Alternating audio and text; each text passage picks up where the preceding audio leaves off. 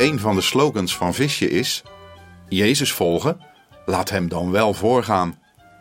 Visje slaat hier de spijker op zijn kop. We zijn immers zo goed in het vooropgaan en slecht in het volgen. We hebben allemaal in onze opvoeding geleerd dat het zo belangrijk is de touwtjes in handen te houden in je eigen leven en het liefst ook nog anderen aan te sturen.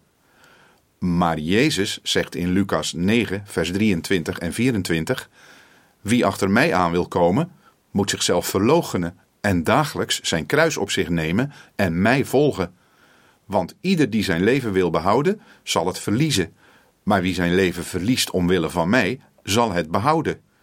Dat is radicaal. Neem je kruis op en volg mij, vraagt om de bereidwilligheid om te sterven aan jezelf en Jezus te gaan volgen. Het is dus een oproep om je volledig en totaal over te geven aan Hem. Ja, Visje heeft gelijk als ze zegt: Jezus volgen, laat Hem dan wel voorgaan.